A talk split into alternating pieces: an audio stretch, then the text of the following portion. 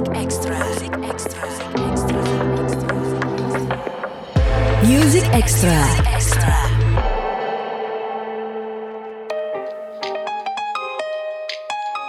Hi everyone, I'm back with me Elizabeth Pauli, and now we're in Music Extra. But something special here because I'm not alone here, and as usual, know that I always interview musician in Music Extra. But uh, I usually interview Indonesian musician, but now I got something from I guess it's from Australia, Melbourne, I think.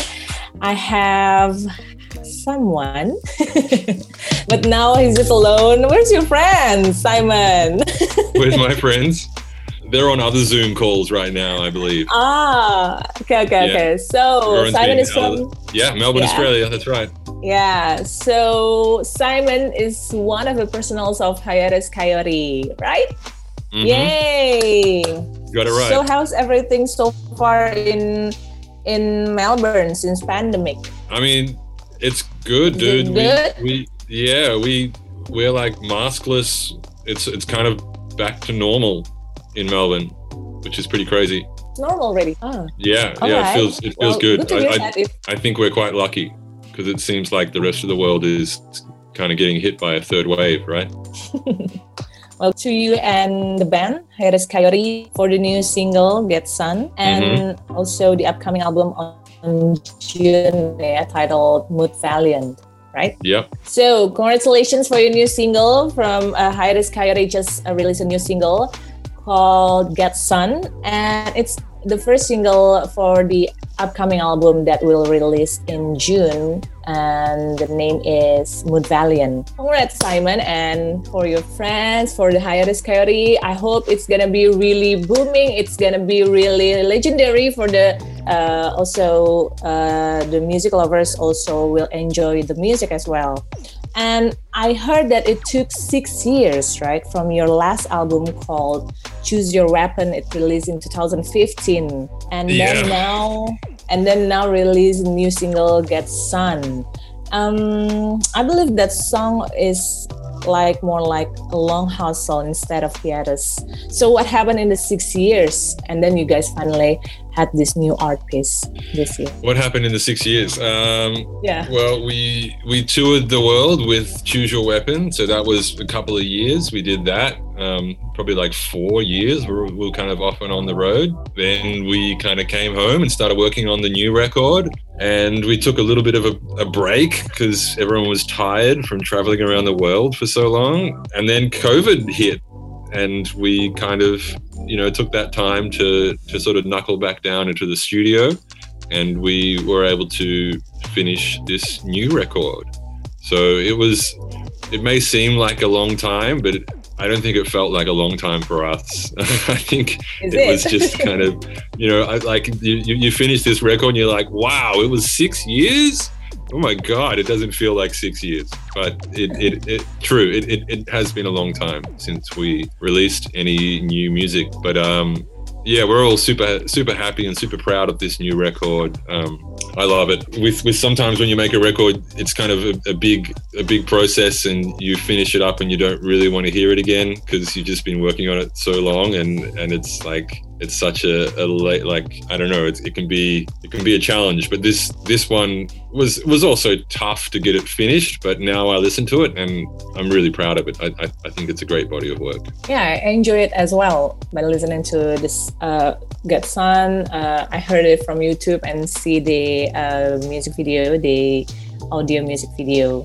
And what it makes so special because it had a touch of 75 years old Brazilian composer, which is Arthur Verocai. Yeah, Yeah. and it's really lovely. And how you guys ended up made a collaboration with him? I think I think Nai actually suggested that we we get in contact with him and see if he'd like to do the arranging on that track. We all were big fans of his. Um, we we we're all like big big big fans of his uh, his record that he released in the seventies, just self-titled Arthur Verocai.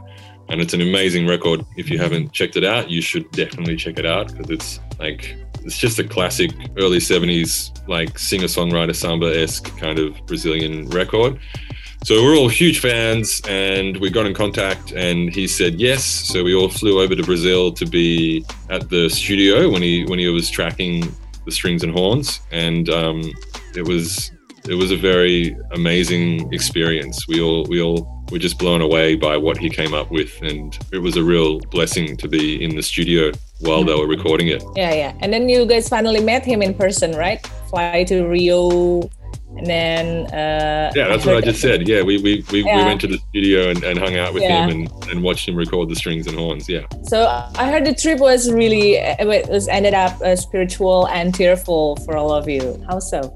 And, and tearful i i don't know if it was tearful we, we I don't know. I heard it. right right no it was it was awesome dude we, we we had such a great time we we did five shows all over brazil we went to argentina the people in brazil just like they showed up hard and we we you know they we, we had full sold out shows all over brazil and it was just an incredible time. We we just there's something about the the brazilian culture and the, the the music they've been playing for hundreds if not thousands of years is so incredible. It's like it's you know I'm, I'm, I'm sure it's the same in indonesia right? You've, you've got this really strong cultural music that like Yeah. that comes through and it's kind of ingrained in the people when when everyone understands it and has this sort of concept of rhythm that's that's Yeah. personal to the culture that you grew up with and and there's something about the brazilian sound and, and the brazilian rhythms they grew up with and and it's kind of in the people and when you've got a huge crowd of music lovers at your concert there's nothing like it it's an incredible experience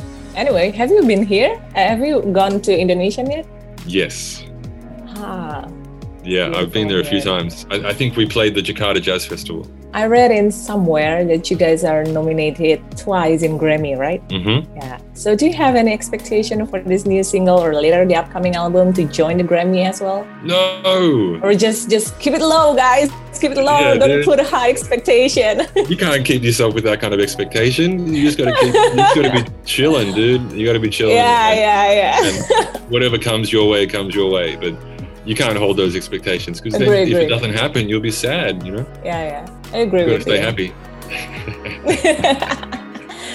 so can you tell us more about you signing with Brainfeeder? Is there any Yeah, possibility that you collaboration with other Brainfeeder musician like Flying Lotus or maybe Thundercat? Is there any possibility for the collaboration maybe?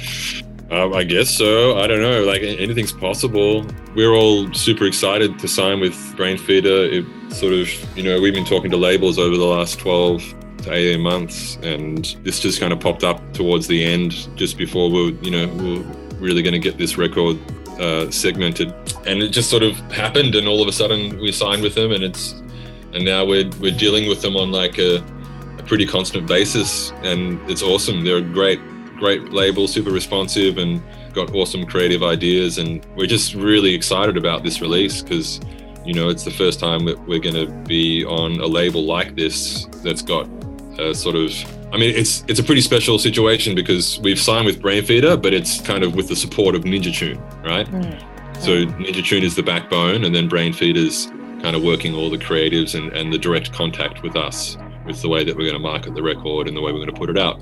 So it's um, we've kind of got the best of both worlds. We've got the grunt of like a, a really solid indie, like a really strong indie label, and then we've also got the creatives from like the you know the, the sort of the alt label kind of side with Brainfeeder, and um, we're pretty close with Flying Lotus and as a band, and and that's like uh, I don't think any, any of us really thought that we'd match up for for Brainfeeder, but it, it's just it's been really good so far, and, and like you know we'll see what happens with any collabs. Maybe something will come from it, but I think we're all just too busy trying to make our own stuff at the moment. we're trying to, you know, we're, we're, we're working on ano- another record at the moment to release after this one and working on live music and working on streaming stuff and online creative and video clips and visual stuff. It's just, yeah, it's pretty crazy right now in the hiatus world. Yeah, this is what I'm about to ask you to uh, about. The are you guys planning to have a mini concert or online virtual concert? That since pandemic, everyone does the virtual concert, right? Yeah, we we definitely will. Um, I'm not sure when it'll be. It'll, it'll probably be after the release at the end of June, so it'll probably be around the July sort of time. But um, yeah, there'll there'll be, definitely be some kind of online streaming thing that we'll do. Kind of got to, right? It's like it's just part of the game. yeah, like like what we're doing now. You can do interviews since you're in the uh, in Melbourne and we're in Indonesia. We can do it like interview online as well. Well, I Yeah. think it's thanks to the technology. Absolutely. So uh, I think that's all from me, Simon. Okay. Um, I hope you uh, and Nai, Nai and who else? Nai. Um, yeah, Nai, Nai, Perrin and Simon S and Paul. Yeah. yeah, you guys right. enjoy all the trip, all the journey ahead until the upcoming album release on June, and everything's going well. Yeah, no worries. Thank you. Thank you, Simon. See you soon. Bye bye. Peace. Music Extra.